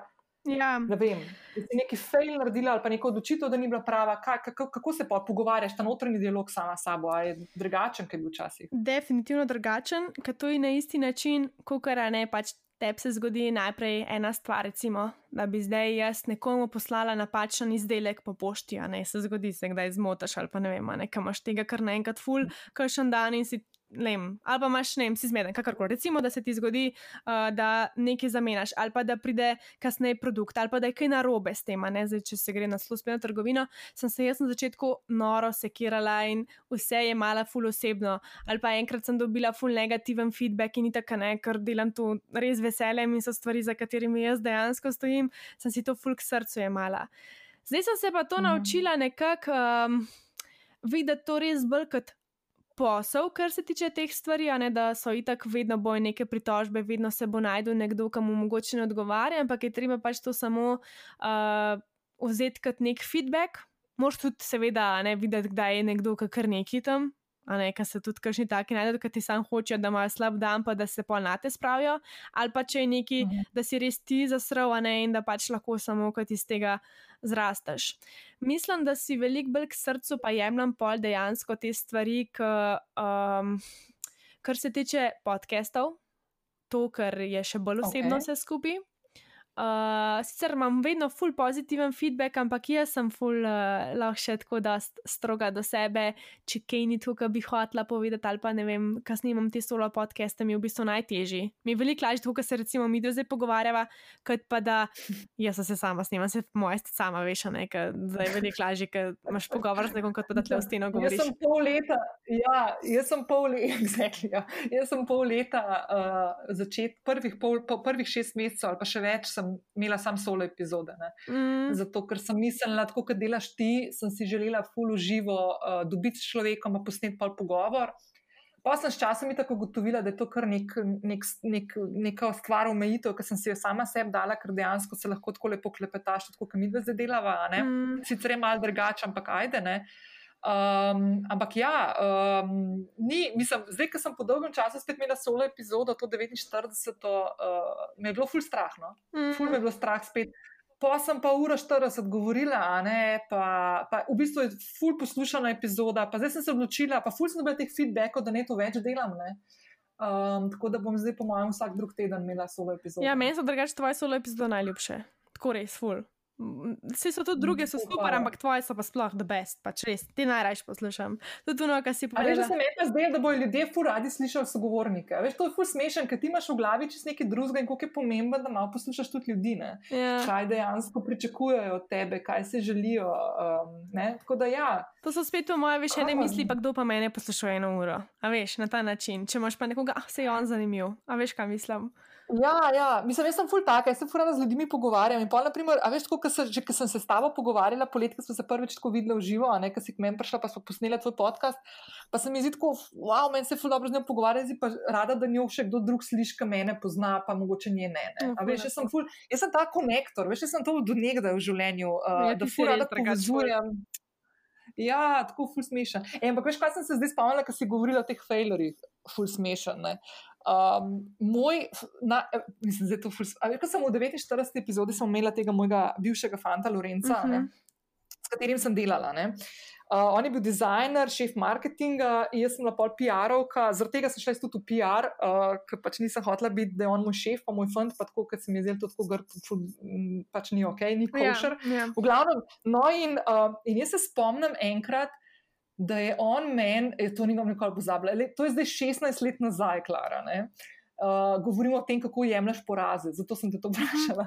In on je enkrat meni rekel, da je oblik, on je bil italijan, uh, mislim, je še vedno živ. No. Italijan je in je v slovenščini pripravljal brošure za, za tisk. Uh, za neko telefonijo, ki smo imeli v tem firmi, ki smo delali, in je pač destinacije različne, da lahko naprimer na eno stran brošure, uh, koliko je minuta klica v Italijo, v Avstrijo in tako naprej. In on je dal to brošuro, preden jo je poslal v tisk, pogledati ene petim ljudem.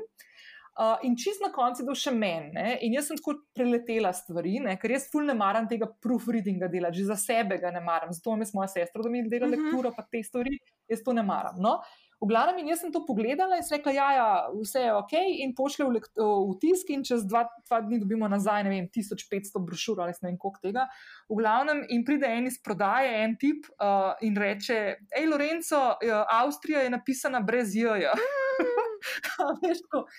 in Lorenzo je mene pogledal tako čez mizo, čez ekran in je rekel: What the fuck, Nina, ne? pa je ško. Kva, pa se nisem sam jaz, tako deset ljudi je pred mano videl rekel, ja, ampak jaz, jaz se na tebe zanesem. Ne? In jaz ne bom nikoli tega pozabila in sem bila tako obremenjena, vsakeč, ko sem mogla gledati za konti tekste in to vedno me je to držalo. Jaz sem, rej, še danes se spomnim, kako sem se takrat počela, totalno falirala, zdaj mi ne bo več zaupal, pa so le še tako osebne neke veze, pa to, pa, mm. kako, pa, pa, pa, pa zdaj z nama, pa vse je dramatično.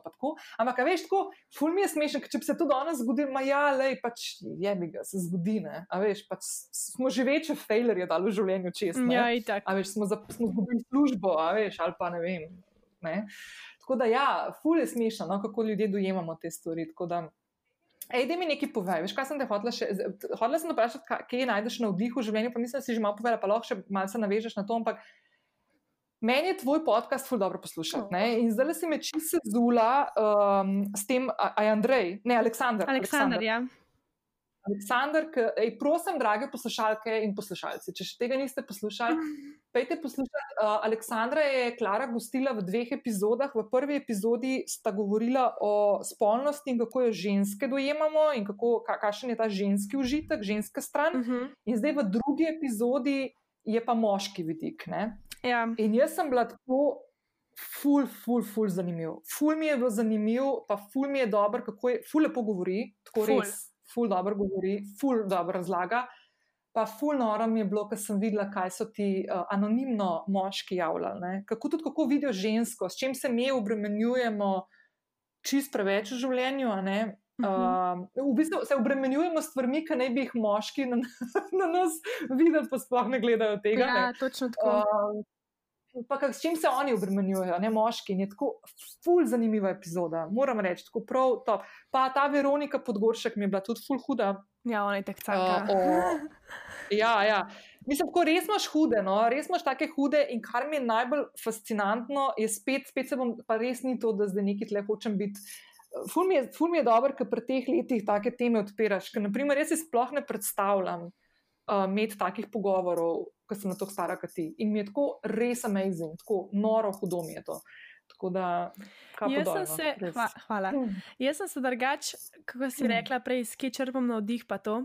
Jaz bi rekla, da predvsem iz tega, ker sem tokrat dovedena, da v bistvu preko drugih ljudi spoznam sebe. Se pravi, preko ljudi, ki so na različnih področjih strokovnjaki in tudi jaz sama si želim ful razumeti druge ljudi. Jaz recimo, če nimam globokega pogovora s, ljudi, s človekom, ki ga poznam, mi ni zanimiv skozi iščem to globje povezave, to površinsko me ne zanima in mi je pač res. Uno, tudi če ga ni, uno. kako si za brez vizaj, meni kar nekaj razpone vprašam.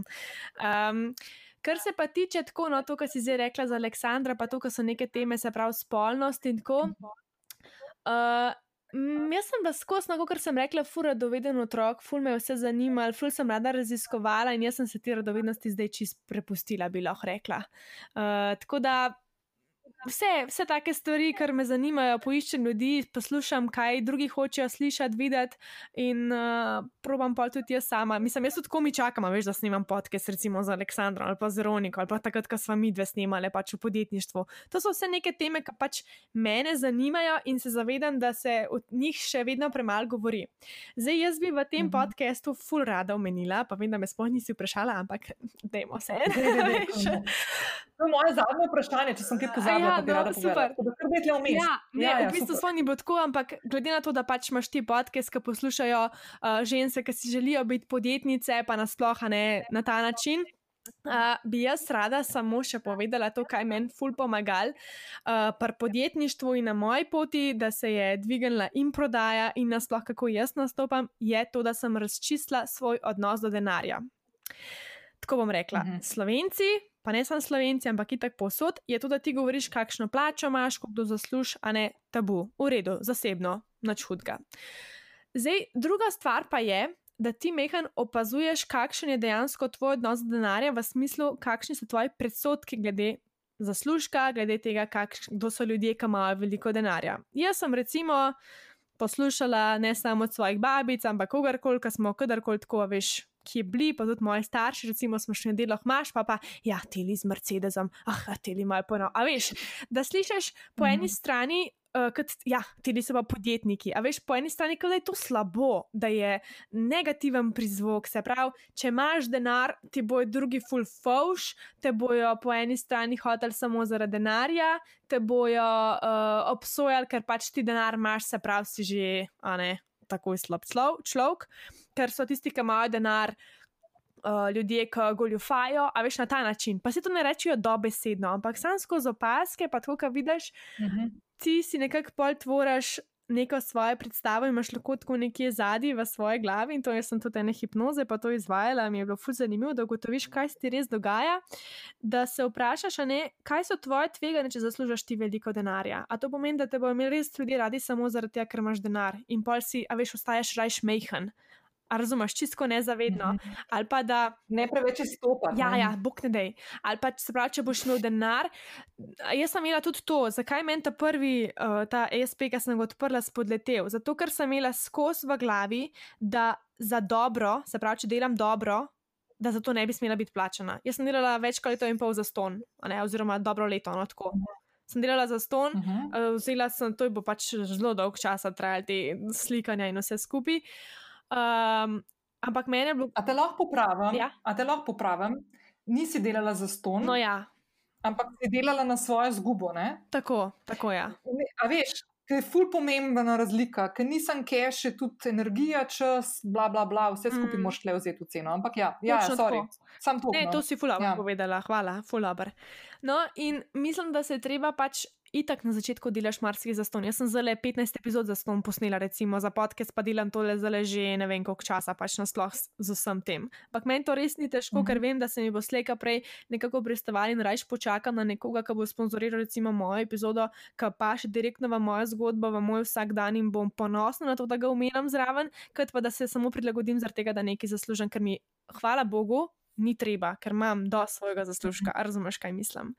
In um, Rada bi sam tono, da to, da imaš ti denar, da si želiš biti podjetnica, da si želiš biti uspešna v svojem življenju, da želiš si prvošiti vse, kar ti srce poželi, v smislu, da si napolniš z denarjem, v tem smislu, neko dobiš finančno svobodo in posledično svobodo do tega, da živiš življenje pač po svoje. To bi mogel biti samo mhm. ponos, en cilj, ki je zelo pozitiven, ne pa nekaj, česar pri čemer moraš ostajati mehen in uh, imeti zraven fulanih dvomov in strahov, kaj si bojo spet drugi mislili o tebi. Ker pač, če imaš denar, rabaš biti slab človek, daleč od tega.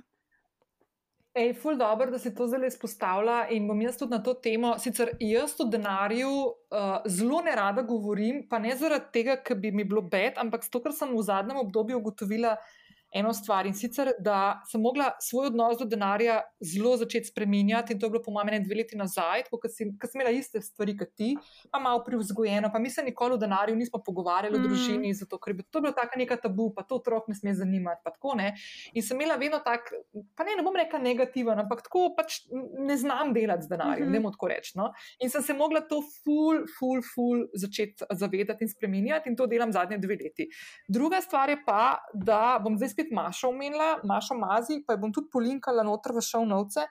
Uh, Maša Mazi je oseba, ki v bistvu se jaz od nje učim tudi tega področja. Uh -huh. uh, in Maša je izdala eno full dobro uh, e-knjigo na temo, kako postavljati cene, sploh za take ljudi, kot smo mi, ki smo kreativni, naprimer, ali pa ne, za fotografijo, za pripravo logotipov, za storitev in tako naprej. In v bistvu je zraven k e-knjigi pride tudi um, en tak amazing Excel, uh, uh, Excel tabela, v katero vtipkaš noter svoje stroške in tako naprej, in te začne skozi to učiti, da ne samo, da delaš kot freelancer, se pravi, da gledaš, koliko imaš stroškov, pa koliko moraš zaslužiti, da priješ čez, priješ čez mm -hmm. mesec, ampak da se dejansko začneš ukvarjati s tem, kako živiš kot podjetnik. Da veš, kakšni so tvoji stroški, veš, koliko rabaš, ampak daješ zraven še zato, da razvijaš svoje podjetje, da mhm, raste. Uh -huh, in to so zdaj te stvari, ki se v bistvu, uh, se tudi jaz učim in priučujem. Jaz tudi eno temo to odprla, ker se mi zdi to ful pomembna stvar. Ne samo za tiste, ki smo podjetniki ali pa podjetnice, ampak generalno gledano se mi zdi, da imamo pri nas v naši družbi. Ful negativen odnos do denarja. Pa ne samo to, ko gledamo druge, a veš, kaj imajo, pa to, to itak je boljši. Ampak tako preseb, če sam na sebe se fokusiraš, Že to, kar smo danes fukart umenili, ne, zakaj daš denar, pa kaj ti je preveč dati. A boš rajš kupil, ne vem, boš šel v Zaro, ki bo šel mem, pa naredil spontan nakup, pa plačal, ne vem, 59-90 za eno bundo, uh, ki bo ta četrta v omari, pa nič na robe s četrto bundo, ali boš rajš dal 40 evrov ali pa 80 evrov za terapijo, ali pa naprimer, ne vem, za vzglavniki svile, ki se boš ful dobro počutil. Mm to so pač popoln prioritete in kaj ti, čemu ti namenjaš. By the way, samo da to še zdaj vmes, ko se pogovarjamo o denarju.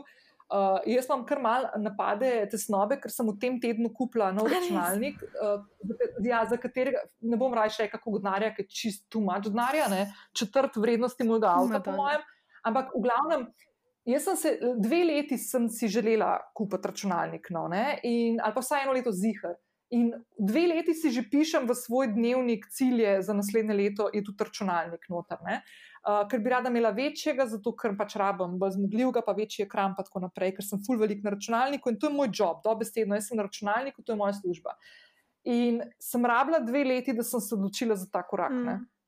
In sam to okno, pač niso ok te odločitve in čist preveč časa in se čist preveč obremenjujemo za določene stvari. Uh, in je to treba porihtati. Tako da, ful, hvala, da ja, si to omenil. Ja, veselje mi je bilo tudi meni, drugače, ker sem to odkrivala to temo, pa ker se še danes tako z njo soočam, tako ali tako. Uh, mi je ful zanimiv, ker itak to je tudi en tak, ki se skozi očiš, ki nikoli ne veš dovolj, veš pa tako. Sploh, ki priješ recimo tako po srednji ja. šoli, po gimnaziji, kada veš, kaj od narju sanja se ti nekaj, ne z njim, razen to, da imaš bančni račun. Sej, uh, ovce ja, ja, ja. je najlažje, ne pač usmerjati. Se pa tudi noben te nauči ja, tega, ne? razen če ne vem, nisi res iz tazga okolja. Da imaš starše ali pa nekoga, ki je podjetnik ali pa neki, ne? Ja, ja, ja. Mislim pa tudi ni nujno, da zaradi tega, ker je podjetnik, ne? ker naprimer tudi če je podjetnik, ni nujno, da zna z narjem delati, ne? ampak pač nek tak zdrav odnos, pa to ni nič mm. slabega, ne? Tako da, tako ni nič slabega, če faliraš. Veš, to je meni ful fascinantno, kako, naprimer, jaz se s svojim stricem iz Amerike ful velikrat pogovarjam, ne? in kako oni gledajo na te poraze, ali pa kako gledajo na to, da nekdo firmo zapre, ali pa da bankrotira, ali pa to ne. Nič ni narobe s tem, da nekdo bankrotira, ful je narobe, če si dolžen drugim, pa ne plačaš mm -hmm. računov. To je grozen. Ne? Ampak, če pa ti faliraš, pa se pač iz tega nekaj naučiš, v bistvu oni to jemljajo kot pač del, nek, kot neko inicijacijo. Pač nek, moraš tudi to doživeti v življenju, drugače te ne jemljajo resno. A veš, mi pa to tako, ja, ta je zdaj konc, ne, mm -hmm. to je to, propalica. Tako da ja. Ej, deva zdaj še eno temo, malo bolj, ne bom rekla lahkotno, ker so le te ful težke, ampak veš, kaj bomo zdaj še ugriznili, v rutine bomo ugriznili. In uh, bomo zato, ker imaš ti. Po mojem, tako fuješ, ko gledam tvoje objave, se ti smejim. Zdaj, le, naprimer, imaš to dry brushing, ne mhm. suho krtačenje in je tako čisto noro, ne? Ker jaz tudi to delam že kar nekaj časa in mi je full amazing. Ne? In da mi povej, kakšna je tvoja rutina, tako jutranja ali pa večer ali pa čez dan, kaj vsak dan narediš, da nekako skrbiš za svoje ja, počutje. Jaz sem v bistvu glik danes, ko tole snimava, sem dala prvo epizodo o tem ven in sicer, da je za to dobro počutje, pa te stvari, ki jih delam, kot je to recimo dry brushing ali pa da te lavadaš ali pa da dobro ješ, ne pa take stvari, meditacija in tako. Ne vidim sam kot to, kar si rečeš, našteješ nekako površinsko, kaj delaš, ampak kot deja, dejanja, ki kažejo, koliko ti je mar zase. A, a ti je dejansko sploh mar? V smislu, zakaj, če veš, da ti bo to dobrega naredil, še vsem se temu izogibaš, še vse ne delaš, pa daš energijo posod drugim in po vsem drugim razen sebe. In do tega sem jaz prišla in odnosa in ustrajnosti pač itaka ne, čez izkušnje, ki niso bile tako lahke če bi bilo, mislim, meni je bilo to kuizi začeti to pa ustrajati par tema, ne? to je čas, uh, da ti da zafejlaš, da se spet nekako tega, da mu ne, sled, da ne slediš recimo uh, treningu in tako in da ti je pa spet težko nazaj pridati. Meni recimo že po dveh dneh, da, te, da ne telovadam, mi je ta tretji dan veliko težji iti nazaj v rutino, kot pa če naredim to, ne vem, šestkrat na teden. Ne? Jaz bom tako rekla, telovadam mhm. vsak dan, naredim nekaj zase. In ne zaradi tega, kot je bilo včasih, ko sem imela ful negativen odnos do svojega telesa, do telovadbe, res, res grdo sem delala, tako fizično in psihično, in sem rabila dovolj časa, da sem si v bistvu sploh oprostila za vse, kar sem pretrpela zaradi svojih dejanj.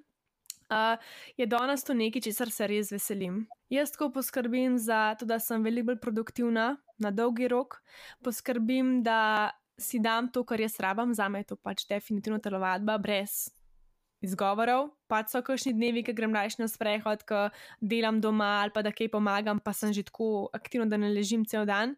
Da mi pa tudi tako tudi zapaš, da ležiš cel dan, pa gledaš filme, ki dežuje zunija, ne? ali pa ki si res utrujen in si tudi to dopustim. Ampak veliko več dni je, da ustrajam pri športu.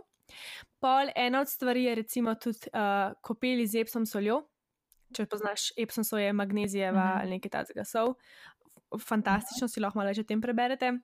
Dry brushing, to je fajn tudi pred telovadbo narediti, zato ker spodbudi tvojo limfo, cirkulacijo, pomaga tudi pri videzu kože, se pravi, uh, te tonusu, ne, kako izgleda, kako je napeta, uh, da je bolj mehka.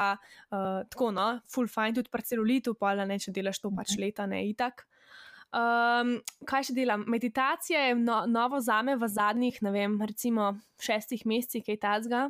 Uh, začela sem, obožujem Tara mhm. -huh. Bracht, se reče. Bom ti poslala link, imaš na uh, YouTubu brezplačne uh, meditacije, fantastična je ena taka gospa je že. In tudi njeni, njeni, njeni tako seminari, ki jih ima gor na YouTubu, kako govorijo o vseh naših, uh, kako čutimo, kako se nekako doživljamo svojo realnost, mislim, je fantastično in se od nje ogromno naučim, tudi to ne mogoče, iz kje jaz črpam svoje inspiracije za različne teme. Uh, kva še delam, se ne vem, kva sem mhm. že naštela, veš, sem kar malo zmedena. ja, na to se reka sprav, šport, meditacija, dry brushing, ampak to recimo jaz ne delam čisto vsak dan. Imam to stvar, ki je, ne vem, eno od teh stvari definitivno naredim v dnevu, a ne? Ni pa, da bi uspela vse s kopeljo, z dry brushingom, s telovadbo, s tem, da si vsak dan skuham kosilo, v katerem uživam, ali pa neko hrano, ki me nahrani. Pač, iščem ravnovesje na podlagi tega, kako se počutim. Ampak jaz sem do tega prišla s tem, da sem mhm. najprej, kakšno dve leti ustrajala, sem to delala vsak dan, ne glede na vse, da sem si rekla, obljubam si in sem bila pri tem, da zdaj resimo vem, kako bo. Glede na moj dan, a bom mogla narediti zjutraj ali zvečer, ker če se mi zvečer ne bo dal, rečeš, naredim zjutraj, ne glede na vse, brez izgovorov.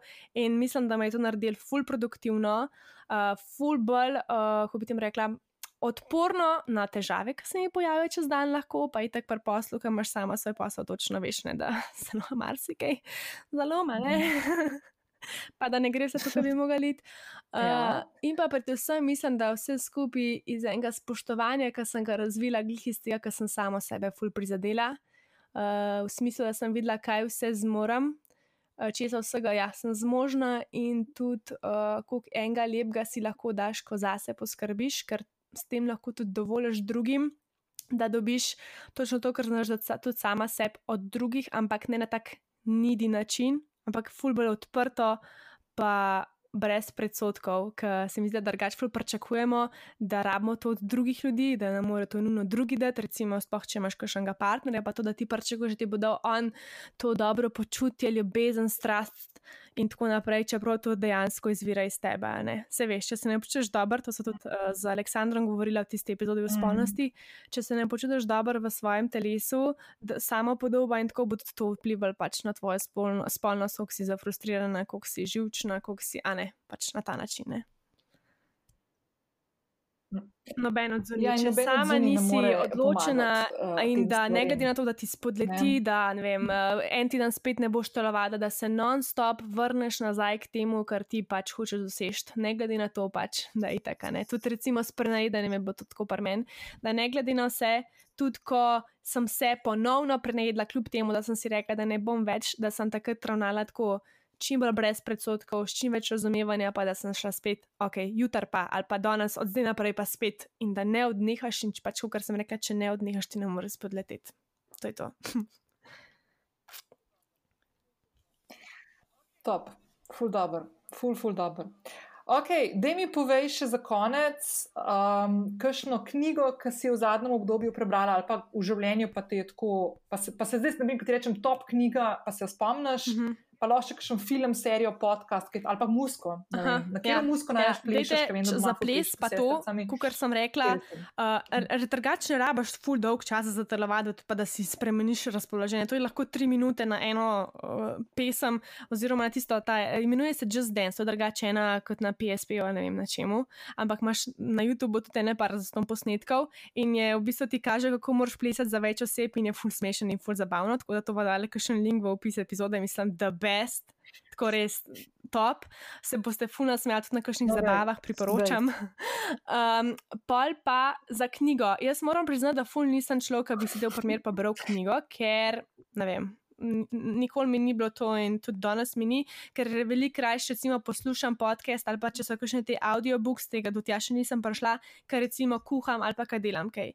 Knjiga, ta zadnja, ki sem jo prebrala, je bila Kuharca, pač ena kuharska uh -huh. knjiga, te rada, te rada, listam, berem in tako.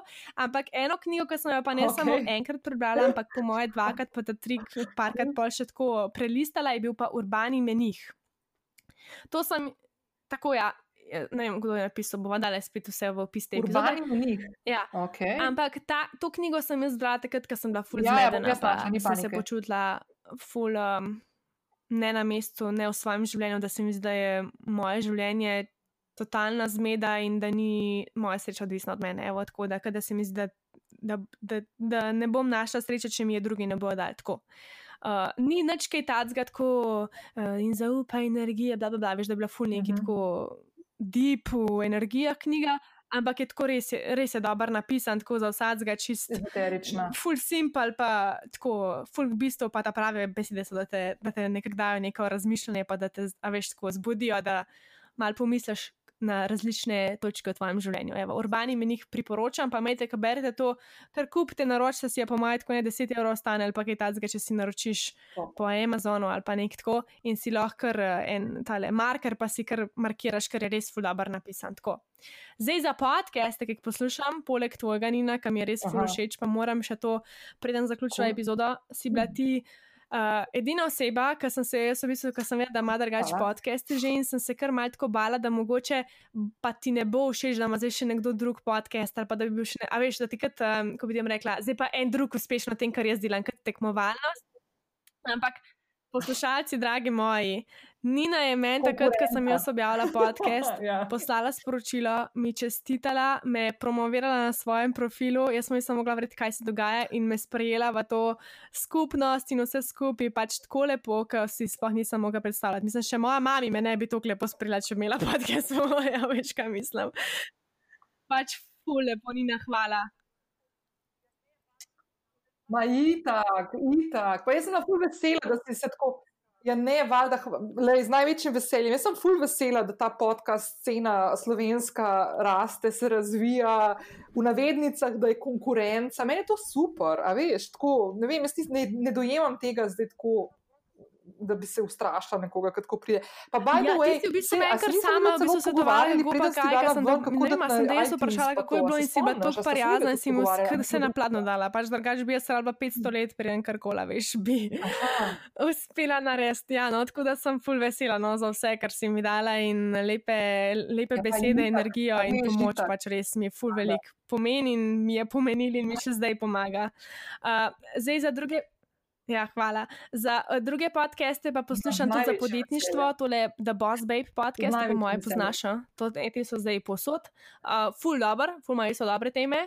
Za bolj spiritualno, pa za manifestacijo, uh -huh. tudi to sem drugače ja. subskrbila na njihov, uh, ta, kako se temu reče, aplikacijo, ki imaš noter uh, kot neke take deep imagining, oziroma na foro hipnoz, da prideš v to, mislim, na beta stanje ali nekako tako.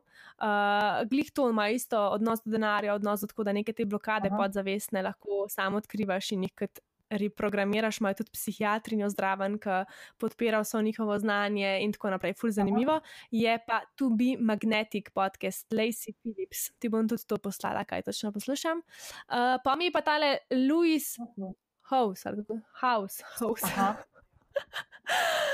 ja, no, on mi je tudi full fine. Pa se jih zdi še, še jaz imam teh podcastov milijonov. Ampak ja, no, to je. Ja, Louis House. Ja. ja. Ja, mislim, da sem, ja, kakšno epizodo. Moram prav še kaj. Ne, ne, ona tudi dobra. Veš, kjer je meni ful dobro, si že poslušala Armchair Expert. A, ja, ja, ja, to je tele, Kristen Bell, ne moš. Ja, ja, ja. Veš kaj, to je ta hollywoodski grad Dex Shepard. Veš kaj, uh, veš kaj meni pri njemu ful dobro? Ja, ja, ja. Kaj je meni pri njemu ful dobr? On ful dobr, uh, čeprav tudi to ti znaš, ful lepo, ful znaš lepo vprašanja. Mislim, tako, a veš, biti nekdo, ki postavlja vprašanja in intervjuva, rečemo nekoga, ne potegne ven vsebino, niso to stvari, ki so enostavne. Ne? In uh, ne, fulni.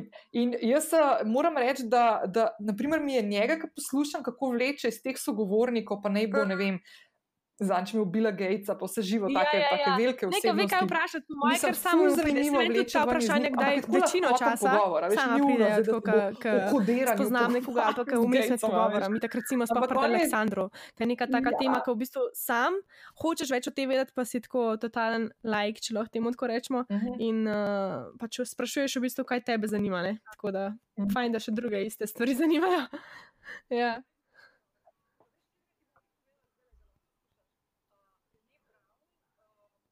Valjda, valjda. Ne, se je ful zanimiv. Ja, ja, ni tako ful dobro. Pa veš, ker ga ti bom kar povedala, zdaj le ga lahko poslušaš. Uh, Brené Brown um, ima dva podcasta, zdaj enega predstavlja samo na Spotify. res, Spotify okej. ima full eno akcijo, ker zdaj vse te ta velike podcasterje v bistvu preusmerja, da bo imel ekskluzivne vsebine samo na Spotifyju. To si po mojem že opazila. ne. Um, pa ja, veš, tudi Joe Rogan gre zdaj, naprimer, do konca leta bo vse zbrisal, vse iz vseh ostalih aplikacij uh, in bo šel samo na Spotify. Pa Mišel Obama in samo na Spotifyju, pa tako, en kup enih takih podkastov je samo tam. Uh, no, ampak Brené Brown, ki ga lahko tudi na iTunesu, je imela zdaj v eni od zadnjih epizod, je uh, Joea Bidna intervjuvala, kandidata za ameriškega predsednika. Mhm. In mi je bilo ful zanimivo poslušati človeka, ki ga tako ful veliko vidiš po televiziji. Pa, to, pa ne pride nikoli do izraza njegovo razmišljanje, zato ker je omejena tistih 15 sekund ali pa minuto dolge slote. Ful zanimiv pogovor. In mi je bil ful všeč, uh, zato ker je govoril o. Kakšen vodja, ka- ka- kaj bi, kaj bi mogli ljudje pričakovati od vodje, kakšen vodja bi mogel biti v tem času, zdaj, v katerem živimo, živimo uh, s pandemijo, in tako, uh, kaj, kaj bi bilo fajn, da bi vodja počel. In sem na sam tako, oh, wow, ne. Sej, pogledala, mi boš poslala PR-ovsko pa to, pa vem, pa kampanja, pa dala to, ampak opis epizode, ful je, le- ful je prišel, ful enih sem ga linkov tako dojela, kot enega joj. takega res zrelega človeka, no. Ful. ki ga prej nikoli nisem tako dojemala. Ful zanimiv pogovor. No. Uh, da, ja, ti pošljem, valjda. Absolutno ga bom dala, vse te stvari, fulinkov bo, ja, the best. Ja, um, Ja, kaj ti bilo še drugače, nič. Klara, jaz sem ful Ful je lažje, ko da te nekdo sprašuje, no, kakor si sem pokli- ko smo da sam nekaj na govoriš, pa daljavo, Bog da sem pomaga, te človek slišala je za manj dlje, kot ne. tiste najne dopisovanja, message, voice message na Instagramu. Ja, tako je, ja. Mhm. ja. Ja. Jaz bi rada sam še tvojim poslušalcem dala, zdaj vem, da bo to sred novembra enkrat vam prišlo, no. Ampak uh, kodo z 10% Oh, popust bomo wow, napisali, okej, ker spod lahko je lovim ravnotežje the best, the 10, best. bova kar tako Fino. rekle. Ja, Da ful je lovim ravnotežje 10. 10% popust na c- vse izdelke v spletni trgovini in bet.si. Če boste kaj naročali za uh, praznike in tako naprej, bo veljalo Top. recimo do 15. O, decembra. super, dobro. Ja, Ja, super. Dobro, ja. Upam. to me še čaka, vidiš. bravo, evo, superca. No, bom dala jaz to Pa noter, vroč res tu da. šle, se je to Super, tudi ja, sede. nič, to je to. Kva, lepo bodi, fajn telovati danes, pa vse ostale stvari. Ful sem ti fauč, da imaš te. kampanjo. Lepo se imejte, upam, da vam je podcast bil všeč, tisti, ki ste poslušali. Pa uh, ne vem, kaj bi še rekla, Ja, to je to. tudi, ampak a veš, banje. Ja, Ja, le pridite, dobrodošli, Ej, ja. Klara, ful ti hvala. Adijo!